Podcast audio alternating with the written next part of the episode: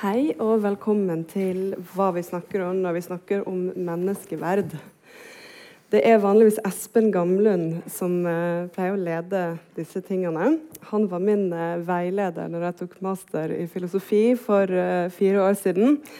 Og han kontakta meg i dag klokken ti og sa at han har blitt syk, og om det er greit for deg å plutselig snakke om menneskeverd på scenen. Så jeg jobber vanligvis som journalist i noe som heter Krono. Um, så jeg er jo vant med å intervjue folk, så jeg føler at vi kan ta en uh, samtale om menneskeverd. Jeg har uh, skrevet litt om det i uh, masteroppgave som jeg leverte på UiB for noen år siden, som egentlig handler om aktiv dødshjelp. Men menneskeverd blir jo brukt mye som argumentasjon der. Også i en del andre sammenhenger når man snakker om dyrevelferd, og når man snakker om abort. Men hva er det vi egentlig snakker om? Det skal vi prøve å snakke om her, også med Ole Martin Moen, som er professor i filosofi på Oslo OsloMet Storbyuniversitetet. Du har bl.a. skrevet en bok om aktiv dødshjelp og har uh, meninger om så mangt. Um, men du mener at det med menneskeverd det er egentlig ikke noe poeng å snakke om? Uh, jeg, jeg, jeg, er vel litt der at jeg for, for, å komme inn i denne menneskeverddiskusjonen. Menneskeverd er jo et begrep som, som, vi hører ganske mye, som ofte legges frem. Og det er, jo, er jo, det er jo åpenbart at vi på en måte bør være for menneskeverd. Eh, menneskeverd er bra. Vi tenker det er flott å behandle folk på en verdig måte. Vi vil at folk skal leve verdige liv. Uh, og at det er viktig at ting skal være verdig. Du kan på en måte ikke være mot menneskeverd. Det høres ut som et veldig sånn, da da, da er du på det tapende laget. Eh, hvis du skal være imot menneskeverd. Men jeg lurer jo samtidig litt på hva er det menneskeverd egentlig betyr? Altså menneskeverd og det vi kaller verdighet. da. Og Du snakket om dødshjelpdiskusjonen, en av de stedene hvor, hvor, menneskeverd kommer opp som et tema. Og der eh, ser vi jo i Norge at du har en forening som er imot det. Og de heter Menneskeverd. Og så har du en forening som er for det, og de heter Retten til en verdig død. Mm. Um, og det er ingen som egentlig sier så veldig mye om og, hva er egentlig verdighet, eller hva er egentlig, hva er egentlig menneskeverd? Det, jeg prøvde å se litt på nettsiden til Menneskeverd. Og jeg får vite ganske mye om at menneskeverd er veldig grunnleggende. Det er veldig viktig. Det, kan, det finnes ulike typer. Det finnes kanskje subjektiv og objektiv. Men, men, hva er det egentlig? Ikke bare hvilke roller kan det spille, men, men hva er det? Og det det, det, står det ikke noe om på nettsiden til Menneskeverd. I alle fall. Og så kom det en bok for noen år siden, en sånn litt konservativ bok om bioetikk som heter, heter eh, etikk i klin, Bioetikk i, eh, etikk i klinikk og politikk av Morten Magelsen. 'Menneskeverd i klinikk og politikk' heter den.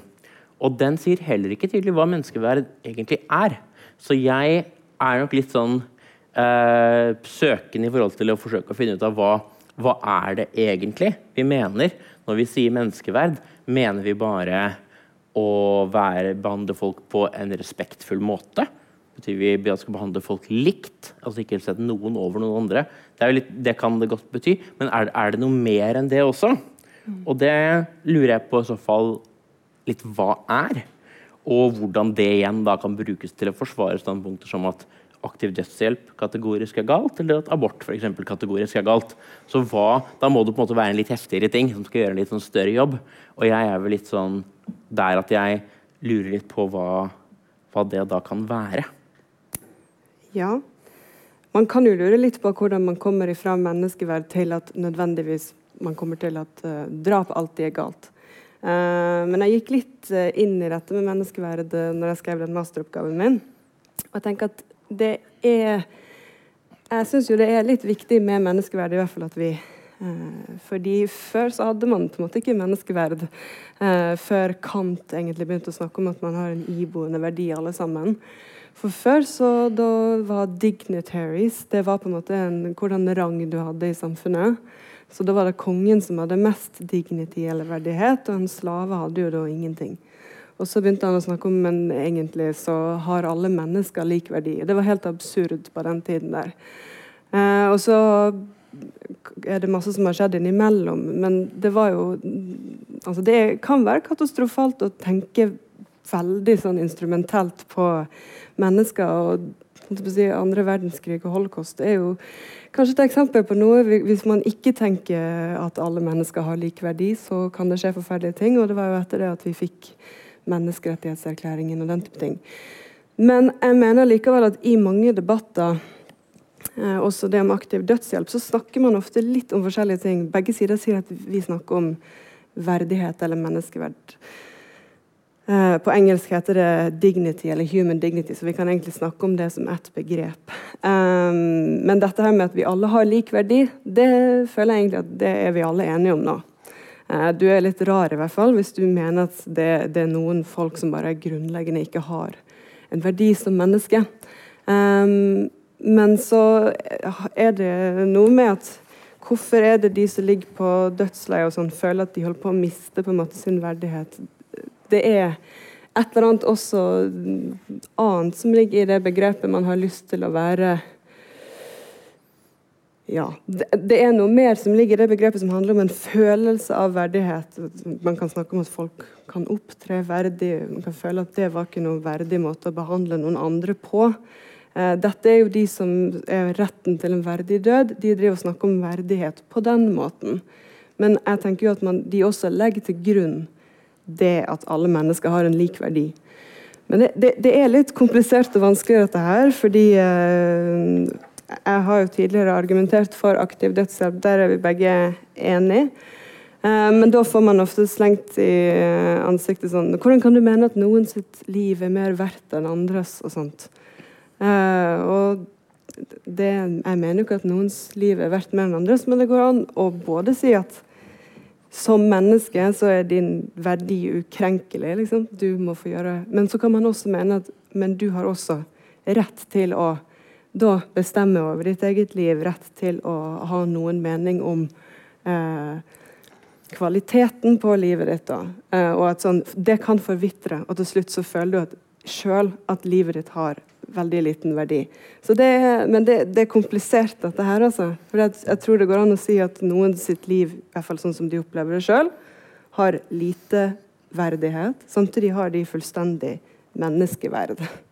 Hvis skulle ja. har noe mer å Ja, altså, I en forstand så er det jo som jeg sa i stad, man, man, man, bør jo være for menneskeverd. Og man kan tenke altså en ting er jo Kant uh, og på en måte en sånn likhet eller all men are created equal uh, tanke. Det, men det kaller man jo egentlig eg, altså en type egalitarianisme. Eller en sånn tanke om at vi alle på en måte stiller likt. Og det ligger jo dypere ned også på det, sånn, det man kaller kristen arv, si, uh, humanistisk arv. Dette er jo en tanke som jeg tenker at den har slått rot ganske godt. Um, og da må man jo spørre okay, så la oss si vi bruker den alle egentlig, alles, alles hensyn er grunnleggende sett like viktige. Enten man måtte være som man sier, altså kong Salomo eller Jørgen Hattemaker, eller hvem enn man er, så er man liksom man, man selv er like viktig og har en, man bør tas hensyn til. Og, og, det, La oss si man mener det. Da er jo jeg der, hvis man skal prøve å tenke litt sånn ryddig om dette. Er det da en grunn til at f.eks. dødshjelp skal kunne være galt? Nei, ikke seg selv. Fordi Da bør alle ha lik tilgang til det. Det er ikke slik at noen prioriteres foran andre. Man har et eller annet upartisk system for dette. Eh, men, men, så har du Så da kommer man ikke til at uh, mennesker på en måte har denne, dette, denne, ukrenkeligheten som ofte ligger i den tanken om, om, om menneskeverd. Uh, men um, en annen tanke man kan ha, altså, som ligger litt i nærheten av denne, det er jo at hvert enkelt menneskes liv er verdifullt. Og det er ikke det bare i kraft av å bidra til fellesskap eller bidra til noe annet, men man er verdt noe i seg selv. Slik at eh, når noen eh, ligger på et sykehjem og kanskje har det vondt og har kort tid igjen, så er det ikke slik at de er viktige for eh, bruttonasjonalprodukt eller for eh, årsmeldingen til sykehjemmet eller for andre enn de er verdifulle for sin egen del. Deres velferd betyr noe som et mål i seg selv. Og det er de også, vil jeg også være fullstendig enig i, at det, det er det. Men det at noens velferd er et mål i seg selv, er vel heller ikke noe som tilhengere av å ikke lenger For at uh, dødshjelp ikke lenger skal være straffbart. Uh, det er vel heller ikke noe som utfordres av, av det. Så da måtte det være f.eks. at ethvert liv er verdt å opprettholde uansett livskvalitet. For eksempel. eh, det er det nok ganske få som mener. Eller man kan mene at man aldri kan ha en intensjon om å, om å avslutte et liv. At det derfor altså det vil alltid være galt. Og de tingene kan man mene. Og mitt, min erfaring når jeg trykker litt på det temaet, så kommer vi veldig altså når, man, når, man, prøver å rydde litt i hva det menneskeverd betyr, og finner ut at okay, det betyr ikke det, det, det betyr ikke det. Og da er det veldig ofte slik at det koker ned til det er vel det tredje bud, at du skal ikke slå i hjel. Og det er jo et veldig godt bud. i utgangspunktet. Det er veldig dumt å slå i hjel, altså drepe. Men i de aller, aller fleste tilfeller så skal vi ikke det. Og liksom som i de aller fleste tilfeller så skal vi ikke kappe av noen armen deres. Men det kan finnes tilfeller, selv om det er dumt i 99,9% av tilfeller, så betyr det ikke at det er galt i 100% av tilfeller. Så da må vi jo spørre oss er det alltid galt å avslutte f.eks. et menneskeliv. Og da vil jeg i hvert fall tenke at de tilfellene der noen, eh, noen har, det, har, det, veldig vondt, eh, ikke har noen reelle utsikter til bedring og har tatt et, tatt et eh, kompetent eh, valg, altså et, eh, har informert samtykke her, til at de ønsker å få avsluttet livet, så synes det å være ganske gode kandidater til at her eh, har vi et unntak fra måte, den regelen om at du, du skal ikke slå i hjel. Eh, men for at du skal kunne ha Jeg tror nok det at i menneskeverddiskusjonen, for at det skal være et selvstendig argument, så må vi på en måte til et, et sånt religiøst postulat som gjør at det å intendere å ta et liv er galt som sådan. Det er galt uansett. Du skal bare ikke gjøre det. Men uten den religiøse begrunnelsen så har jeg vanskelig for å se at menneskeverd eh, kan hjelpe oss til de, da, til de, ganske sterke konklusjonene. Da. Så Derfor er jeg litt sånn eh, jeg, Hvis jeg skal si det litt sånn slemt, da, så tenker jeg at menneskeverd er litt, det høres jo veldig bra ut. Men jeg får litt følelsen at det er en sånn, det er en litt sånn kakepytt som man setter på ting man uansett er for. De tingene man er for og får gode, varme følelser av, det er menneskeverd. Eh, men da, da, spiller ikke menneskeverdet en sånn veldig viktig rolle for å begrunne hva du skal. For det, det du uansett mener, det kaller man menneskeverd. Uh, min sånn, sånn teori om hvordan menneskeverd funker. Og jeg tror mm. at ganske, Enten må man på en måte gå til den kristne, litt sånn harde utgaven. Eller så kan man tenke mer at det er et begrep som alle kan bruke, og, og, at vi egentlig bare mener det som er, det som er fint. Og det tyder jo på det når på begge sider i debatten om dødshjelp bruker dette menneskeverd- og verdighetsbegrepet, så er det litt sånn gummibegrep som kan tøyes til å bety det du har lyst til. Men det er jo det vi filosofer skal prøve å vi skal prøve å lage litt vei i vellinga på en måte, med sånne begreper. Men det gjør uten tvil at disse her debattene blir mye vanskeligere. fordi Det er mange filosofer som har argumentert for at vi bør bare droppe dette her eh, argumentet og ikke forholde oss til det. Men vi kan ikke la være, hvis vi skal forholde oss til f.eks. den debatten eller debatten om abort, eller hva som helst, så driver folk og slenger rundt seg med det begrepet. Og da jeg tenker i hvert fall at da må vi forholde oss til det. Så det går ikke an å bare si eh, nei, vi kan ikke snakke om menneskeverd. Tenker, men vi kan kreve at folk må definere det. Det er Ja. Og at vi kan være enige om at den der tynne versjonen av um, begrepet som handler om at vi alle har lik verdi, det, det er stort sett folk for. Fordi det er, det er et såkalt tjukt begrep ja. som betyr at det er ikke sånn som bra eller dårlig. Det er mer sånn som rettferdighet. Eller det, det har mye mening i seg, fordi det har på en måte utvikla seg over så lang tid.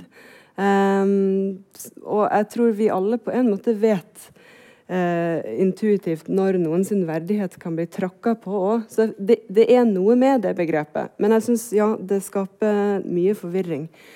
Eh, men er det andre sammenhenger der det gir mening å snakke om eh, menneskeverd? Det skal jo ikke egentlig bare handle om aktiv dødshjelp, dette her.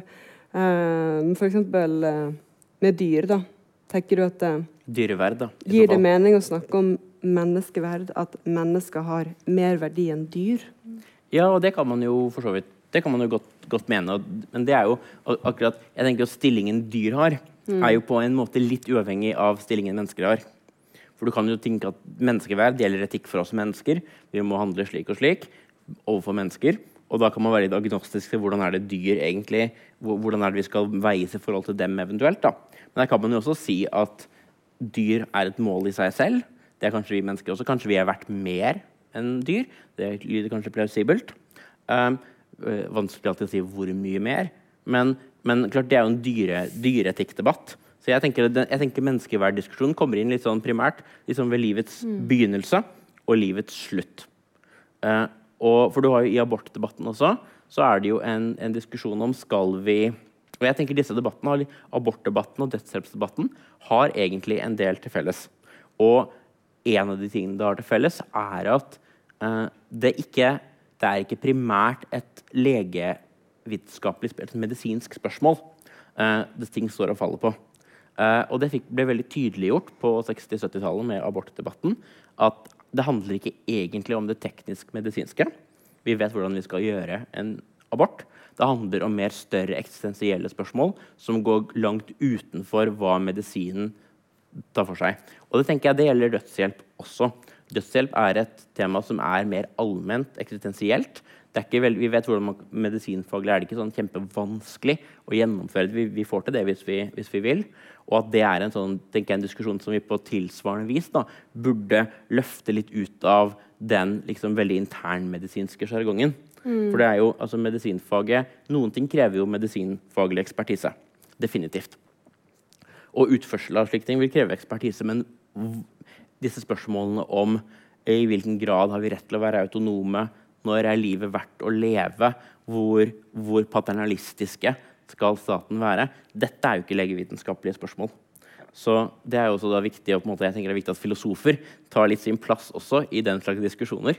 Og ikke fordi eh, Ja, det legevitenskapelige, det, det, det, sier litt om hvilke midler vi bør bruke for å nå ulike mål.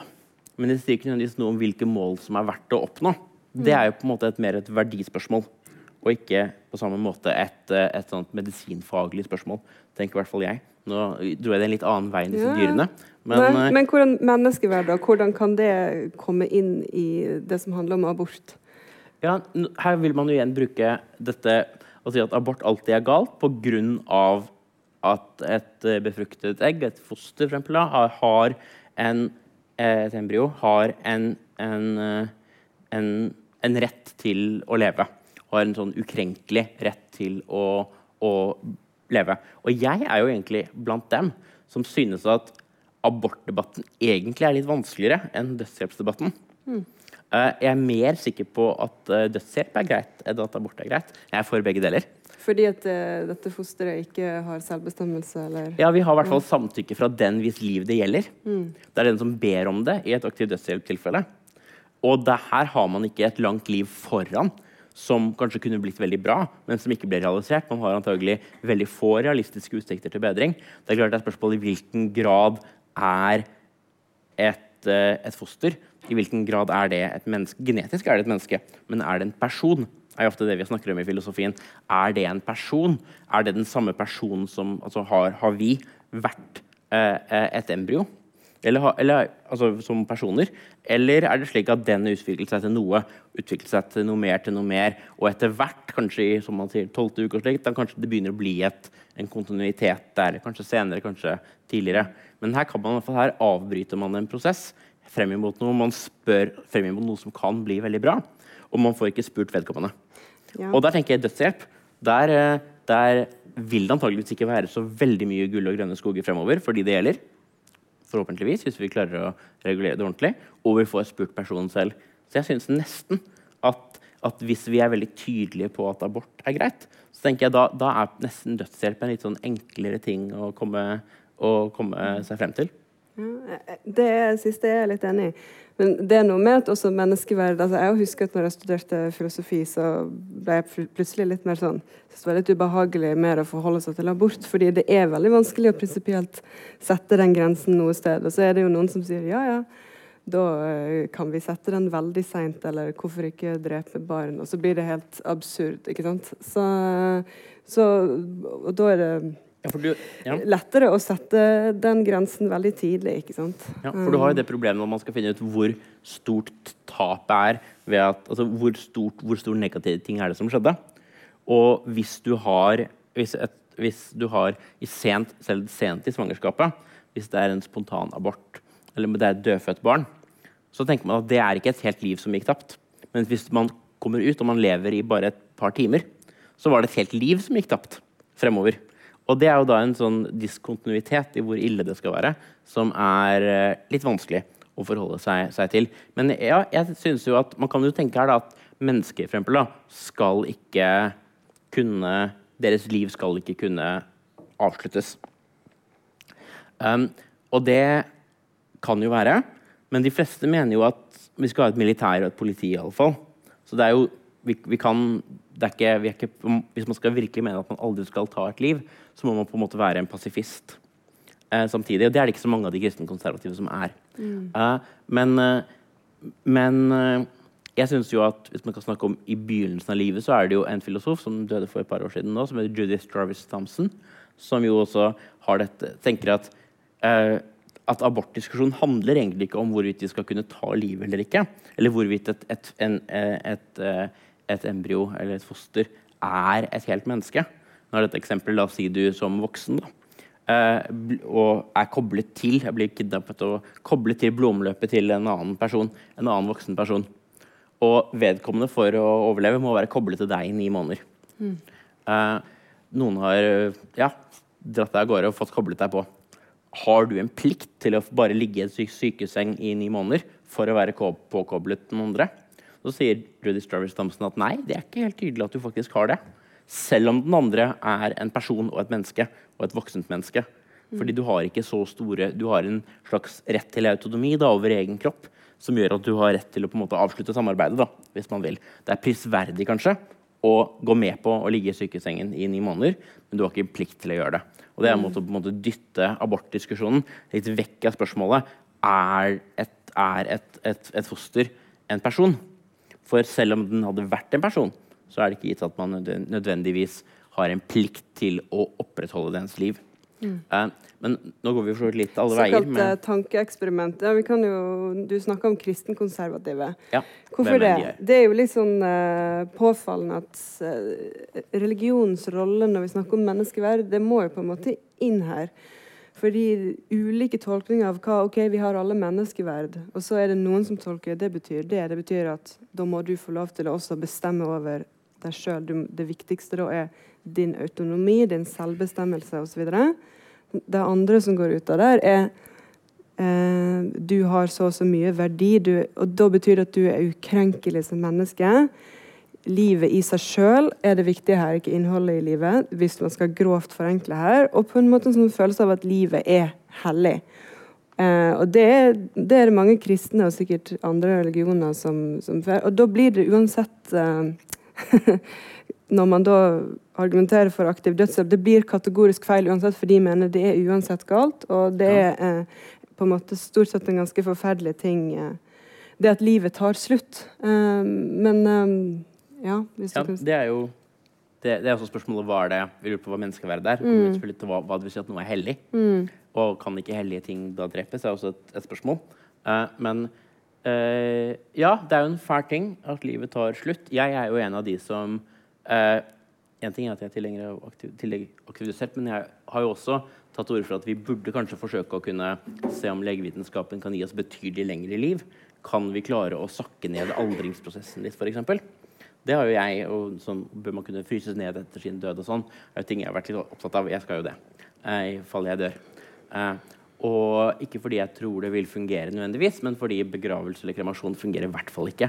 Eh, det, er, det, går uansett dårlig. Så jeg har på en måte vært tilhenger av kanskje vi kan forlenge liv. Og, men bare hvis det er bra, hvis du får ja, ALS, men, så vil du vel avslutte den ja, planen? Men jeg, jeg syns det er interessant, fordi uh, i det jeg diskuterer, hvis man kan snakke om kristne konservative, da, eller de, de Eh, som hvem enn det måtte være i Norge, da, men eh, folk som er det ofte kaller biokonservative. Eh, så får jeg vite når jeg snakker om det, da er jo døden så naturlig og så fin. Og det er ikke noe problem å dø. Og dø er jo bare veldig bra. Vi kan ikke drive og leve lenger enn som så. Eh, da er døden plutselig veldig fin. Mens når man da kommer til det motsatte, skal vi kunne, ja, men bør vi kunne gi folk muligheten da, til å dø?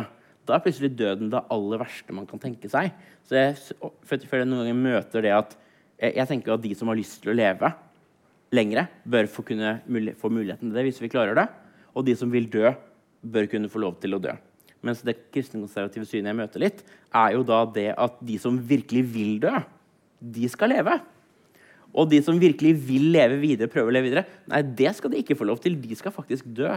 Så jeg lurer på hva er det, hvor ligger denne verdien? Hva er det som gjør et liv verdifullt? Og hva er det som eventuelt gjør døden ille? Det er jo et veldig viktig spørsmål. Og jeg tenker at Døden ikke er ille i seg selv, men den er ille i kraft av å ta fra oss de tingene som livet kunne ha inneholdt. Mm. Det kalles ofte en tapsteori eller en deprivasjonsteori om døden. Da er det på en måte Døden er ille i kraft av å ta bort noe. Og da er spørsmålet om hva er det den da tar bort. Og, for jeg vil jo ønske å leve så lenge jeg har et liv som jeg opplever som verdt å leve. Det er ikke, og Noen spør hvor lenge vil du ønske å leve. Jeg synes Det er et kjemperart spørsmål. Fordi noen sier jeg ville ønske å leve til jeg ble 150. at man kunne holde seg ung og frisk. da. Ville ønske å leve til man var 150. Men for meg er det veldig rart å skulle tenke at uavhengig av hvordan livet mitt faktisk oppleves, hvordan innholdet i livet faktisk er, så er det slik at når jeg har gått 150 runder rundt sola, så blir jeg suicidal. Det er veldig vanskelig for meg å kunne måte, se hvorfor jeg skulle bli det. Det, det avhenger ikke av hvor lenge du har levd. Det avhenger av hvordan ens liv faktisk er. Og kanskje vil det hvor lenge en har levd, påvirke hvordan ens liv er. Men da er det likevel hvordan ens liv er, som er det viktige. tenker jeg. Mm. Ikke, ikke, antallet runder rundt sola, som er disse årene. Så, så jeg, jeg, tenker jo vi det er veldig, De tingene som jeg sier nå, høres sikkert veldig sånn radikale outrerte ut. på en måte. Men, men, jeg tenker vi må jo faktisk ta litt tak i de litt sånn grunnpremissene som vi tar for gitt. da, Rundt liv, rundt død, rundt det vi kan prøve å få til ved hjelp av teknologien som vi bare har eksplodert de siste 50 årene, og sikkert kommer til å eksplodere videre de neste 50 årene. Hvor er det egentlig vi vil, og hva er det egentlig som er verdifullt? Hva er det vi kanskje tror er verdifullt, eller antar er mm. verdifullt? Dette må vi jo ta si, opp til ganske grundig vurdering. Og dette er jo ting vi har sterke følelser om, og som betyr veldig mye. Men jeg tenker at det er jo egentlig mer grunn til å undersøke det kritisk, og snarere enn det bare ta for gitt de liksom nedarvede tankene om at, om at hvis man kan bli 100, liksom, så er det kanskje nok. da, Uavhengig av innholdet. det er jo litt da, det, det at du prøver å leke Gud, som jeg tror uh, folk reagerer på. Ja. Altså, man skal ikke ja, det er så spennende å leke, leke Gud. Ja, du, du, skal egentlig bare dø av naturlige årsaker og la, la, la. Og, og, du har lyst til å leve mer enn det som egentlig er naturlig. Og du uh, pirker jo også borti noe sånn dogmer. Altså sånn, Egentlig så er jo det du sier litt her, at sånn, ja, hvis vi egentlig utfordrer de, handler det bare om religiøse dogmer, dette her. Jeg tenker jo at til en viss grad gjør det kanskje det når man nekter å diskutere visse typer ting, som jeg opplever at noen gjør. Fordi nei, det er bare feil uansett. Men vi sier jo at det er greit å drepe i selvforsvar eller å i krig. Og noen kristenkonservative er inne på det, er jo også for um, dødsstraff. Fordi da er man liksom ikke lenger en uskyldig um, person, da. På den måten. Um, det er jo litt spennende at de som er imot, i hvert fall i USA, mm. de som er sterkest mot dødshjelp, er for dødsstraff. Mm. Som jeg jo også syns er litt sånn spennende. Ja. Hvor de som vil dø, får ikke dø. De som ikke vil dø, de skal dø. Så det er lurt litt på faktisk, det er jo mest på fleip, men jeg tenker på det, kunne man, kunne man fått gjennom, gjennom, det ved å si at det å i de som Man kan tenke at La oss si at uh, overfor kristne konservative at, at, at, bare det å Da vil jo sant, aktiv dødshjelp være veldig ille. Og da vil det være veldig galt med aktiv dødshjelp. Kanskje galt bare å spørre om det. Eh, så da kunne man jo bare kunne man jo spurt seg Kanskje man kan tenke at bare det å be om aktiv dødshjelp er så ille at det kan straffes med dødsstraff. Da har man løst et problem. så hvis du spør om aktiv dødshjelp, da får du dødsstraff ved hjelp av en, av en giftsprøyte. Mm. Hvis du er ved dine fulle feb og gjør det, og faktisk gjør det helt med viten og vilje, da er det dødsstraff. Altså, da, det hadde jo løst problemet på en ganske elegant måte. Men det er så absurde situasjoner i USA nå at man kan nesten mm. se for seg noe sånt. Ja.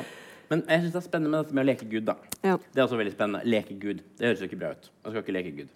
Vi skal kanskje imitere Jesus. Det er imitatio Kristi innenfor kristendommen. Men vi skal ikke leke Gud. Men da er spørsmålet ok, men hva er å leke Gud? Hva vil det si? Og formodentlig Man kan tenke at det er å gripe inn i menneskelivet og kanskje forlenge det og prøve å på en måte ikke gjøre at, altså gripe inn, slik at det ikke bare eh, utvikler seg slik det ellers naturlig ville gjøre. Men da er jo medisinfaget å leke Gud. eh, da er det jo og, og, det ønsker vi formodentlig ikke å mene. Så det må være, og det, fordi medisinfaget forlenger jo liv. Eh, og griper jo inn og gjør ting. Prøver å få forlenget våre liv, prøve å øke vår livskvalitet. Prøve å unngå en infeksjon. Prøve å, ja, eh, eh, prøve å gi eh, eh, medisin for å, for å senke blodtrykk eller hva det skal være. Altså, man, det er veldig mye vi da gjør. Mm. Så hvis man kommer med den at vi skal ikke gripe inn i vi skal ikke prøve å gjøre oss til herre over liv og død, på en måte. Så tenker jeg at fall, Det er mulig at det ikke er sånn for alle, men for meg er ideer og tanker veldig konkrete. Så da bare ser jeg for meg at nå, ja, men da legger vi ned sykehusene. Og da må vi jo bare shut it down, på en måte. Skal vi gi hjerte-lungeredning hvis noen bare faller om og ikke får pust? Ikke hjertet stopper, liksom? Eller skal vi, skal vi ikke er det å leke Gud? Eller hvor, hvor, hvor, er det den grensen da går? Men så kan man si at leke, så må man jo ha en eller annen mer sånn presis forståelse av hva det vil si å leke Gud. da. Er det f.eks. å prøve å forlenge menneskelig levealder? Da? Eh, kanskje det er å prøve å forlenge maksalder. Men dette gjør vi jo også i, eh, i medisinfaget hele tiden. Mm. Altså, er, vi lever jo lenger og lengre. Barnedødelighet er jo en ting, kanskje det som har bidratt mest til økt levealder. økt forventet levealder. Men vi blir jo også, lever jo lengre og lengre. Og en utfordring er jo at vi da ofte får lengre livsspenn enn vi får såkalte helsespenn. Vi snakker om health span og lifespan. Og det å bare med veldig dårlig helse klare å holde ut liksom fem år til, det er kanskje ikke det aller beste. Mens eh, det å kunne klare å, det viktige er jo hvor lenge man kan holde seg frisk og ha en god livskvalitet. Og det er jo et kjempegode hvis vi kan klare å, å få til det. Så jeg, jeg, sliter litt med dette leke Gud. Jeg er veldig, veldig mm. glad for å bli utfordret på hva, hva, hva, hva kan denne leke Gud-tingen være.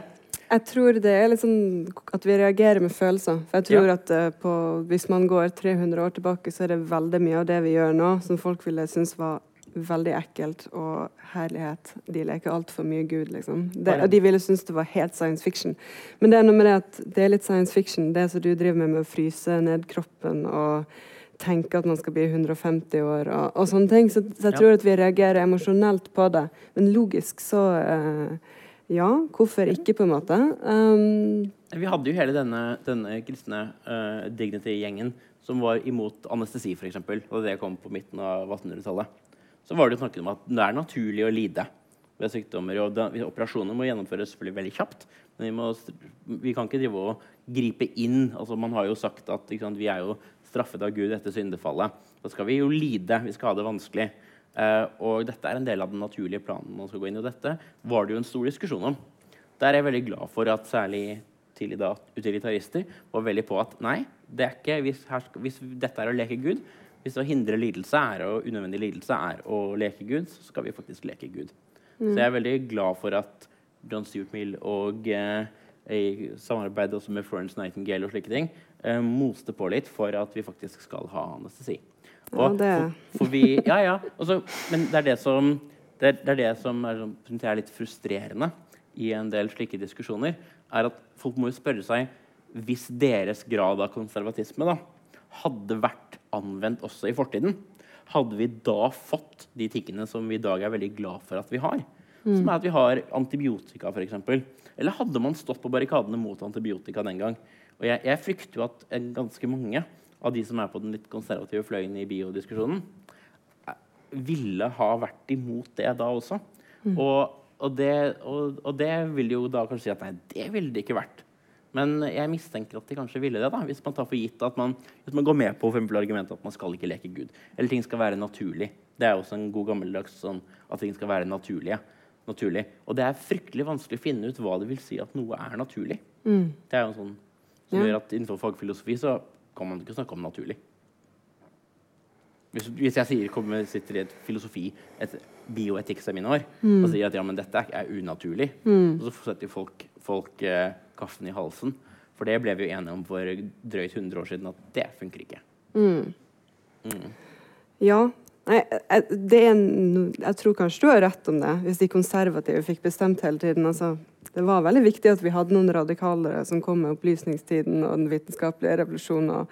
De kristenkonservative kan ikke alltid bestemme. Men selvfølgelig, vi skal Det må kanskje være en balanse. At man må høre litt på, litt på de òg, så det ikke går helt uh, av skaftet. Jeg tenker alle, alle, alle diskusjoner har Det er jo to sider av enhver diskusjon. En rett og en gal.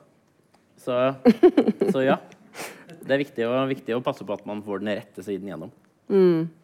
Men jeg, akkurat det du sa i sted med liksom, at lidelse kan være noe litt sånn eh, aktverdig På en måte føler jeg fortsatt at den gjelder litt, og det er i den aktiv dødshjelp-greien. At det er på en måte noe med det, det, skal være noe verdig med den der uansett hvor eh, mye du ikke kan eh, gå på do sjøl, du må bli dusja, du kan ikke snakke og alt sånt som det. Det verdige er at du skal leve og, og alt mulig sånt. Ikke sant? Um, det, er, det, er, på en måte noe sånn flott med den lidelsen du da går igjennom med å bli tatt vare på. Og, og, og den, er ikke det litt det samme? Jo, men her tror jeg man kan Her, her har man forstått et litt poeng også. Man må jo tilbys muligheten til å leve mm. så lenge man mm. vil.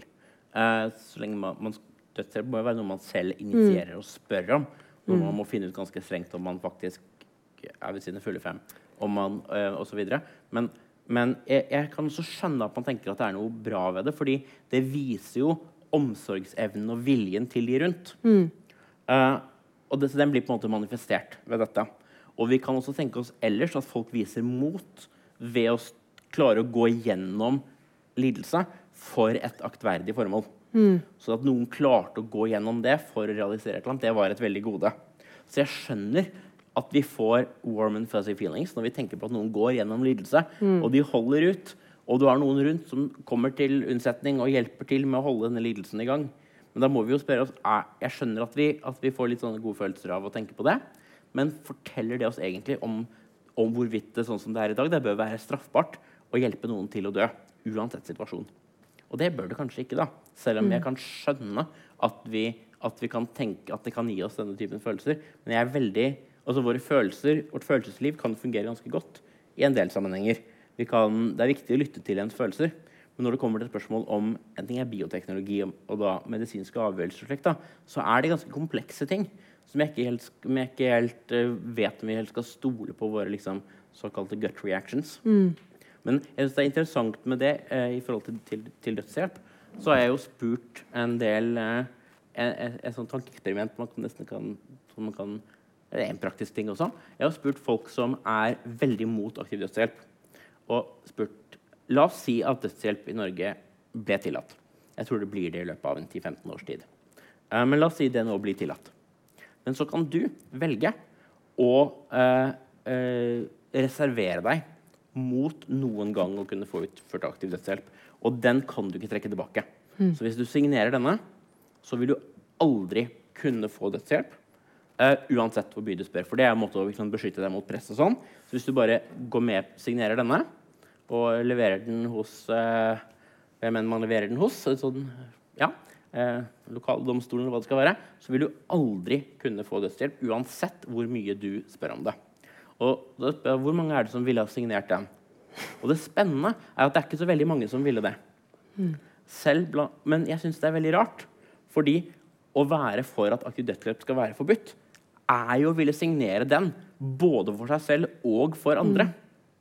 Det er det, det egentlig er. Det de tror, er jo at vi eh, endrer samfunnet fundamentalt hvis vi, ja. hvis vi åpner opp for det her. Ja. Da har vi gått over en grense. Eh, da er vi ikke liksom lenger eh, Da kan alt være mulig, ikke sant? Og så plutselig har vi et sånn her samfunn der vi på en måte bare Å, du er Vi tar abort på noen fordi de har feil hårfarge, og vi gir aktiv dødshjelp bare fordi eh, noen har sånn og sånn. Og så på en måte sklir alt ut, ikke sant? Ja. Det kalles slippery slope-argument. Mm. Et såkalt skråplan-argument. Mm. Ikke sant? Fordi jeg tenker meg, Hvis du går med på dette, så vil så mye annet også følge. Uh, men jeg tenker også at skråplanargumenter er litt farlige.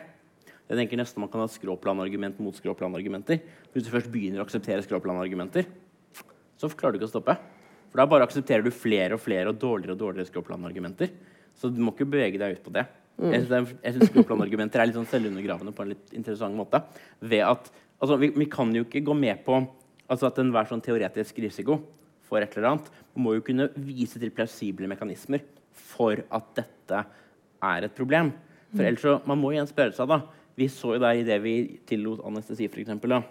da kan det jo hende at folk vil bare ønske å bli operert i hytt og pine. Og vi kan tenke at uh, legemiddelselskapene vil stå og pusle dette her på hvert gatehjørne. Det gjør de jo på en måte litt. Men, men, og at det vil at, Og at dette vil folk vil uh, Det vil være anestesi både her og der. Og uh, folk vil Altså at alt vil, det, alle vil gå rundt og bare drive og bedøve de fattige, liksom. Mm. Og det kan man jo altså man, man, kan ikke være villig til å bare akseptere enhvert sånt bare teoretisk mulighet for at OK, nå er vi på det trygge, og så gjør vi det. Da bare rakner hele greia, liksom. Mm. Det er jo det at man ikke har trodd på det, som gjør at vi har fått de eh, medisinske fremskrittene som vi har. For ellers måtte vi bare sitte musestille og mm. dødd av svartedauden, liksom. Altså, og, og, teknologiske fremskritt. Folk var jo veldig redd når TV-en kom. og alt mulig sånn, ikke sant? Alt som kunne gå galt og skli ut med moralen. Og... Ja, og man har, ofte, har jo litt poeng også. Mm. Men det er spørsmålet kan man klare å håndtere uh, de negative effektene av noe på en god måte. Og det er jo vil vi, det virker som en del som bruker skråplanargumenter, tenker at vi i fremtiden vil være stokk dumme i møte med utfordringer som kommer, og bare vil være helt lammet i møte med at å herregud, det er et problem. Men vi har jo et reguleringsverktøy. Vi har jo det i Norge, et, et fungerende eh, helsevesen og mulighet for å regulere ting. Og ja, alle tiltak har både positive og negative effekter.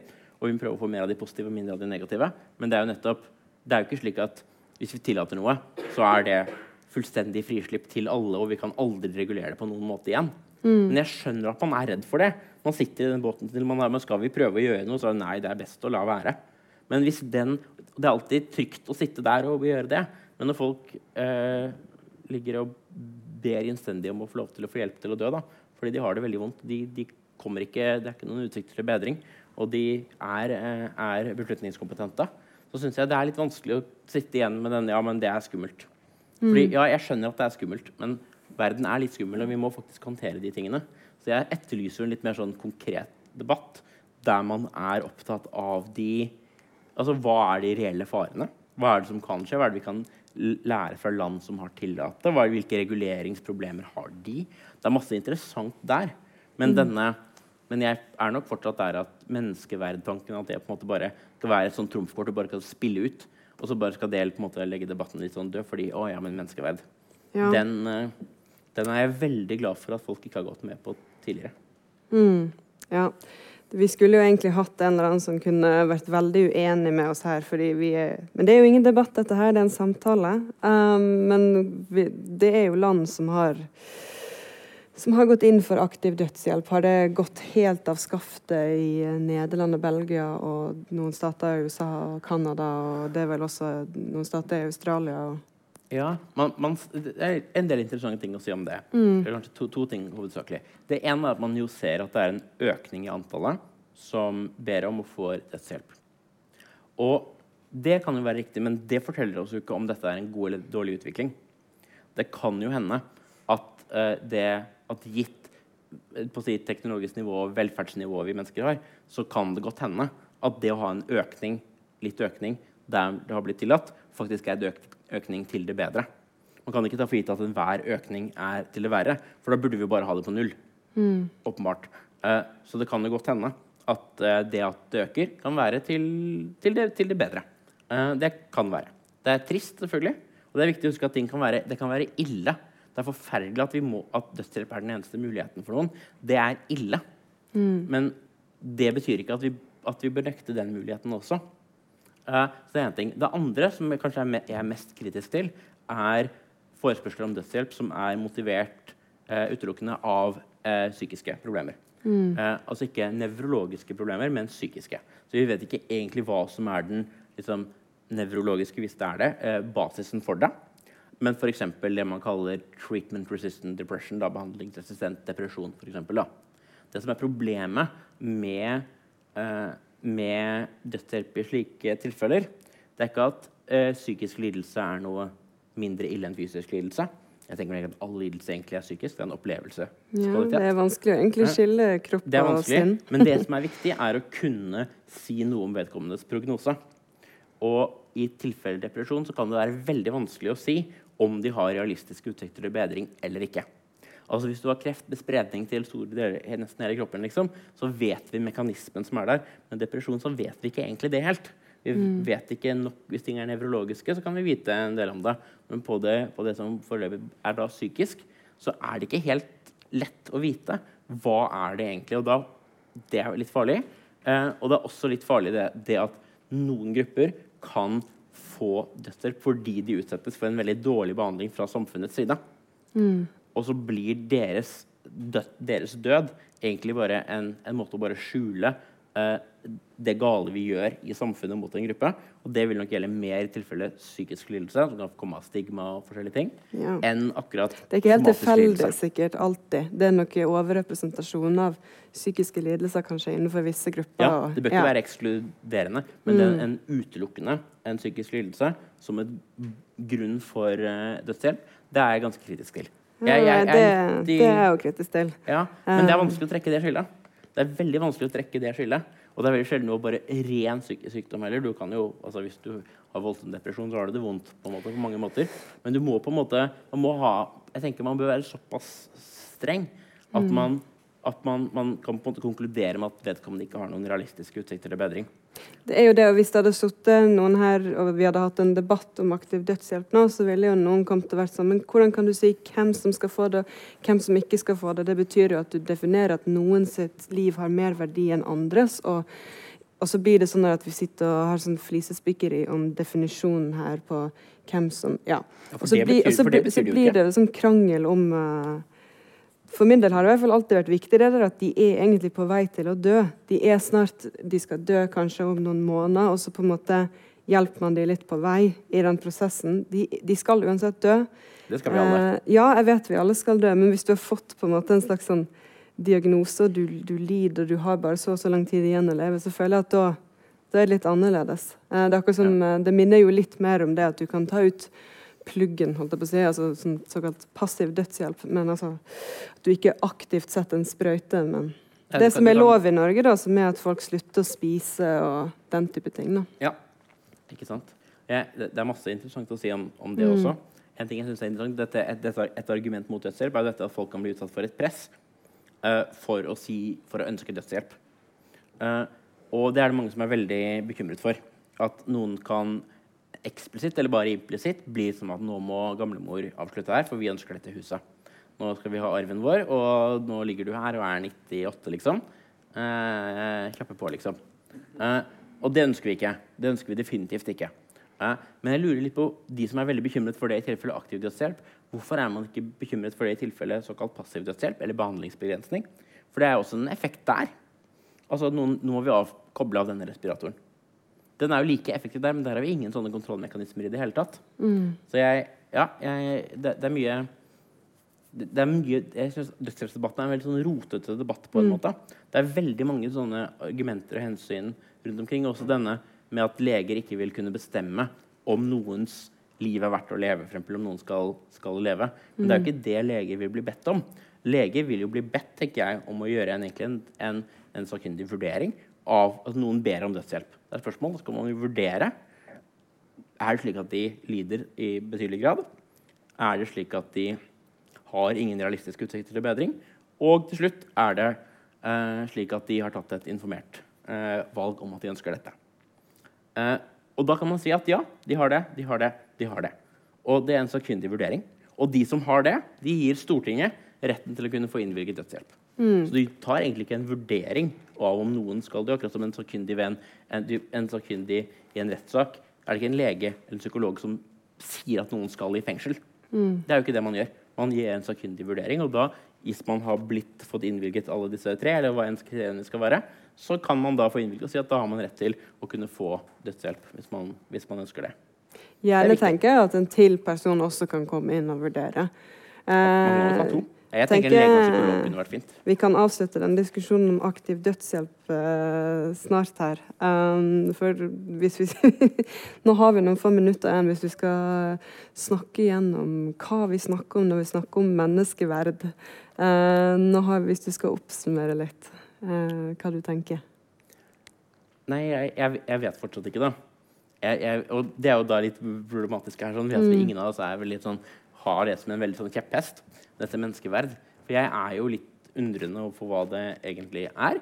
Og da er jeg jo undrende ikke fordi jeg ikke skjønner det på en sånn grunnleggende måte, men det er en Man skal jo ønske presisjon i diskusjoner. Og når menneskeverd kommer inn fra siden at vi Ja, men, ja, men menneskeverdet. Uh, har du tenkt på det? Menneskeverdet. Det, og det, da lurer jeg jo på hva det, hva det, er for noe. Og det, finnes, det kan bety rettferdighet, det kan bety egalitet, det kan bety at alle er et mål i seg selv. At ingen er viktigere enn andre. Det betyr å behandle folk på en respektfull måte. På en lyttende måte, på en måte som behandler deres mål i seg selv. Og alt det er jo veldig fint. Alt det er det jo ingen tvil om. Men er det noe mer også som dette menneskeverdet er? Og jeg, jeg ble jo da invitert hit litt for å prøve å for å forklare hvorfor jeg ikke helt klarer å mm. feste lit til at det er så mye som står og faller akkurat på om noe er menneskeverd eller ikke. Hvis vi skal ta ut sånn flisespikkeri, er det ikke allikevel OK, selv om det er en helt selvsagt bra ting, er ikke det allikevel viktig å huske på det? Eh, så kan det ikke gå feil av sted hvis vi ikke holder menneskeverdet høyt, på en måte? Jo, men da er spørsmålet er det egentlig reduserbart til at vi ikke holder menneskelig likeverd og respekt og alle disse tingene. Vi, de må vi holde høyt. Mm. Eh, og det er hvis vi holder de høyt, er det noe vi da har gått glipp av hvis vi ikke tenker at menneskeverd som sådan er viktig? Men altså, Jeg kan også være med på at menneskeverd er viktig hvis vi tenker at det er mm. reduserbart til de andre. Mm. Men da er det ikke egentlig en sånn, det er ikke en sånn selvstendig ting. Mm. Da er det mer enn kanskje det vi kaller en placeholder, for eksempel. Eller en ting som henviser til alle de andre og på en måte minner oss på dem. Og det er veldig fint. Mm. Uh, det er veldig holdsomt. Det kan vi godt gjøre. Og det er bra. Men da er det veldig vanskelig å se hvordan det kan rettferdiggjøre noen i å mene at abort synes jo da ikke å følge fra noen av de betydningene, i alle fall. Da, så selv om det var sånn at man klarte å overbevise da, kristenkonservative om at menneskeverd sånn som det er i dag, det er ikke vits å bruke det ordet, ville ikke de fortsatt funnet noe annet uh, for å jo, forklare sikkert. hva de mente? Altså. Hellig, som vi sa i stad. Ja. Men, men, uh, men jeg, jeg, tror det er litt viktig for ens egen sånn uh, som kaller det mental uh, hygiene, eller ens egne resonneringsevner, at når det kommer et nytt begrep inn, så er det ikke sikkert man bør godta det. Og tenke, bruke det for å tenke. Uh, for jeg tror det er ganske mange som går med på et begrep. Man hører Menneskeverd eksempel, høres jo tilforlatelig ut. Og så bruker man det. Men det er ikke alle begreper man egentlig kanskje bør gå helt med på. Så man må tenke seg, Er det et begrep man egentlig skjønner, som man kan på en måte feste i verden? Man kan skjønne at ja, det er det som er menneskeverd. Hvis man ikke kan gjøre det, så tenker jeg at der bør man ikke egentlig tenke, bruke det som en måte å tenke på. Begreper er jo på en måte et begriff, er jo en måte å gripe verden på.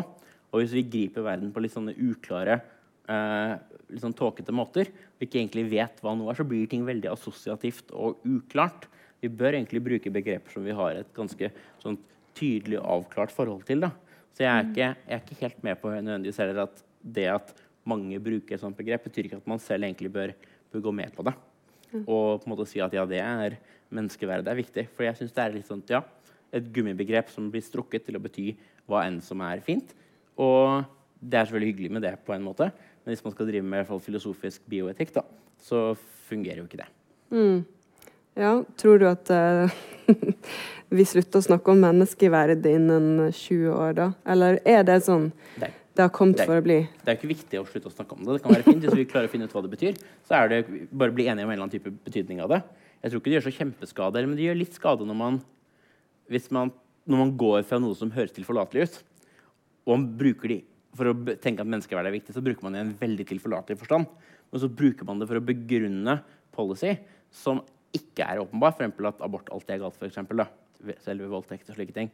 Og det er jo ikke åpenbart i det hele tatt. Så man må jo ha en sammenheng mellom hva man har begrunnet, og hvilke implikasjoner er det det har. Og mm. Jeg skulle gjerne sett en sånn ryddighet i det. Og jeg tror det er mange som er litt sånn, Vi har jo i Norge at nesten 70% av befolkningen er jo tilhengere av å tillate dødshjelp. Uh, mens det er eneste partiet på Stortinget som er det, er Frp. Uh, og de er det bare i prinsipprogrammet sitt. Uh, så vi, vi, er i et, vi har et litt sånt vakuum. Folk har ikke lyst til å forsvare dødshjelp. Mm. Og det tror jeg handler litt om at du får en litt sånn menneskeverdskyldebøtte over deg mm. idet man begynner å snakke om det. Og da tenker jeg kanskje noe av det som vi filosofer kan være nyttige for, da, er å ta disse skyllebøttene. Fordi vi skal jo ikke vinne valg. Så vi, kan, vi kan ta så mye skyllebøtter man bare har lyst på. Altså, det skrøt jeg jo av deg rett før vi kom på her. At sånn der, Folk blir gjerne veldig sint når man diskuterer dette her og tar det standpunktet du gjør. Eh, men du sier at du blir ikke så påvirka av det, så det tenker jeg jo Ja. at det er fint. Eh, sist vi snakka, så intervjua jeg deg om at du holder på med en bibelpodkast. Så du, du gjør jo mye forskjellig. og du har jo satt deg litt inn i hvordan kristne tenker også, da. Ja, veldig. Ja, det kan jo reklame for den. Ole Martin og Einar leser Bibelen.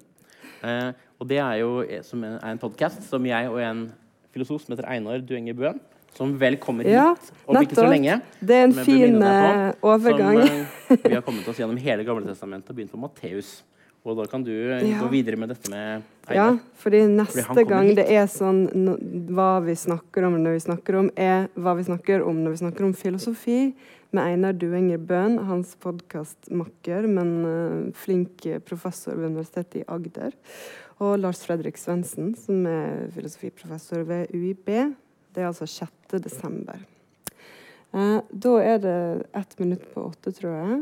Og jeg tenker vi kan si takk for oss. Takk.